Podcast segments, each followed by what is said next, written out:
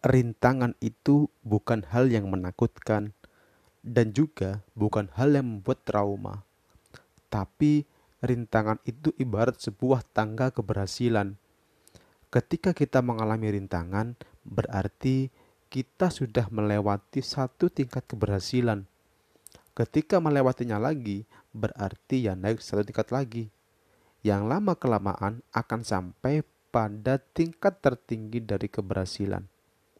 Dengan syarat kita menjadikan rintangan yang ada di tingkat itu sebuah pelajaran, agar ketika menemukan sebuah rintangan di tingkat selanjutnya, kita tidak terjebak pada rintangan yang sama.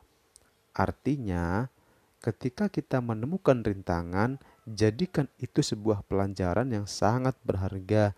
Suatu saat, jika kita menemui ciri-ciri yang akan membuat kita terkena rintangan lagi, kita bisa mencari cara lain supaya tidak terjebak pada rintangan yang sama.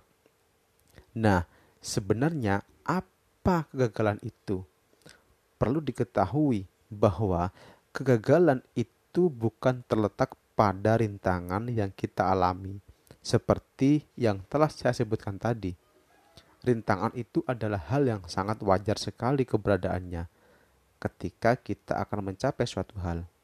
Akan tetapi, kegagalan yang sebenarnya itu adalah ketika kita sudah mempunyai rasa putus asa.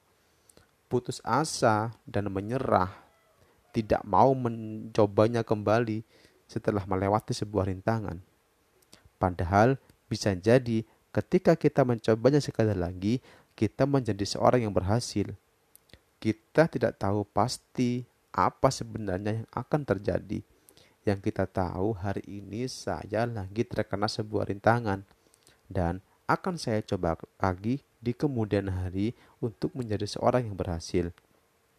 Memang itu sebuah proses pengalaman yang begitu indah yang dapat menjadikan usaha atau perbuatan kita menjadi lebih bermakna.